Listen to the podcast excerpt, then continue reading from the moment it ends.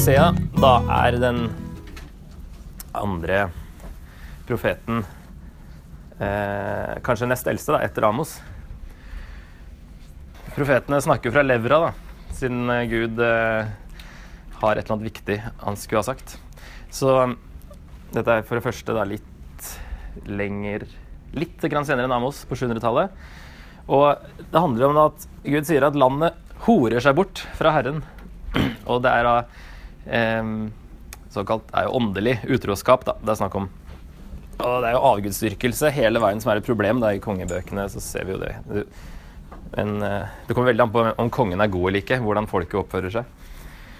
Så um, her blir Hosea bedt om å gifte seg med en prostituert som heter Gomer. Og hun blir da et symbol på denne åndelige prostitusjonen til Israel.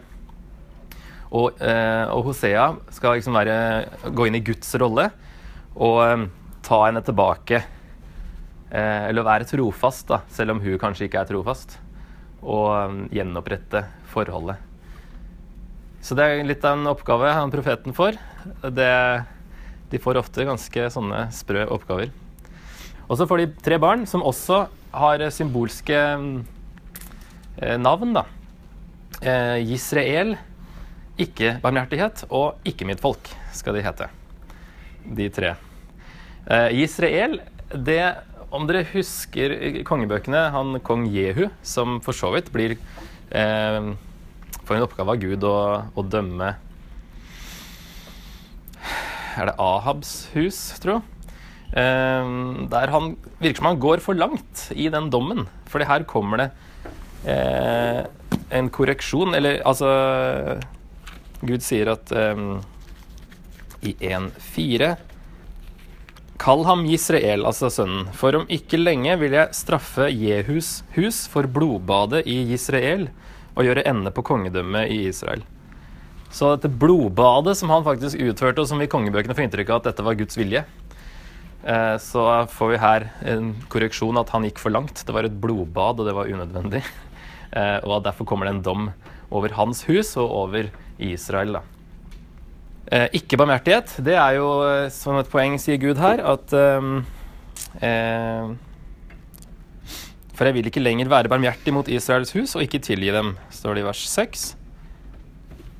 Og så ikke mitt folk blir født av i vers 8, og der står det i vers 9 eh, For dere er ikke mitt folk, og jeg er ikke her for dere. Så eh, alt det her er, skal være budskap, dette også. Eh, og vi kan dele inn boka. Det er Egentlig er det bare de første tre kapitlene som handler om dette symbolske ekteskapet. Det er jo et ekteskap, men det er, har en symbolikk. Og så er det den syklusen husker dere, med synd, dom og gjenopprettelse som går gjennom tre ganger.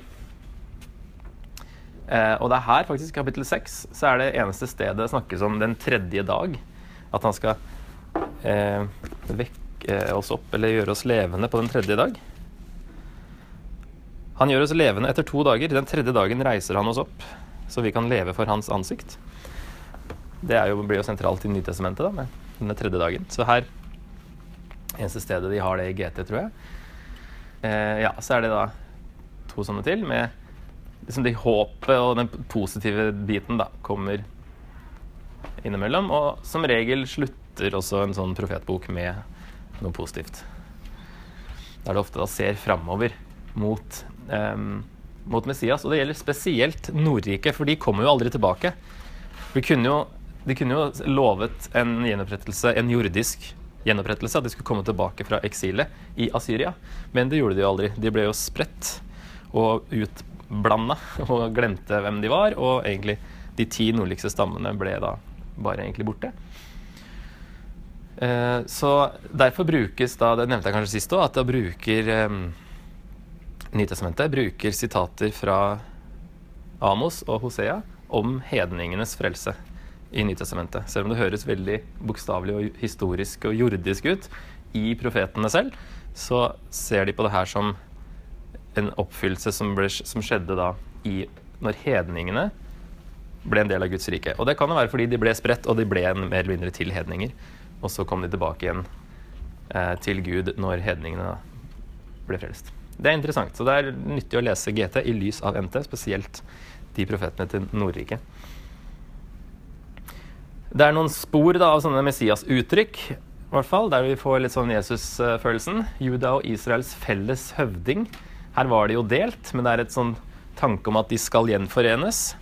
Og det skjedde jo aldri historisk siden Israel forsvant. Og, og derfor kan vi se lenger fram til hva er det neste som kan oppfylle det her. Og da har vi da at Jesus eh, ble denne høvdingen for hele landet. Hele forente Guds folk, da, og mer til. Altså hedningene inkludert.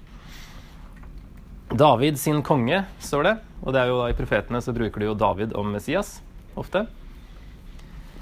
Den tredje dagen, som sagt. Og fra Egypt kalte jeg min sønn, sier han. Det eh, dukker opp i Matteus. Der eh, Matteus eh, Her i Hosea så er det jo ikke en profeti om at det skal skje, men han snakker om det som skjedde i andre Mosebok. At Gud kalte Israel ut av Egypt kalte dem 'min sønn'. Og på samme måte så, så vil Matteus få fram den parallellen at Jesus han var også i Egypt. som De, jo, de rømte jo dit da han var liten. Og så kom han ut igjen fra Egypt, og det ble jo en parallell til Israel og Moses da, i Matteus. Og så er det navnet også, som Hoshea og Jehoshua. Det, de ligner. Dette er jo Jesus. Javé frelser, mens Hoshea betyr vel frelse. Så det her kan være noe som peker sånn delvis framover mot Jesus. Det, det er jo den frelsen som det hele bygger opp til, da, er jo den store frelsen i Jesus. Så sånn sett peker jo all frelse i GT fram mot Jesus.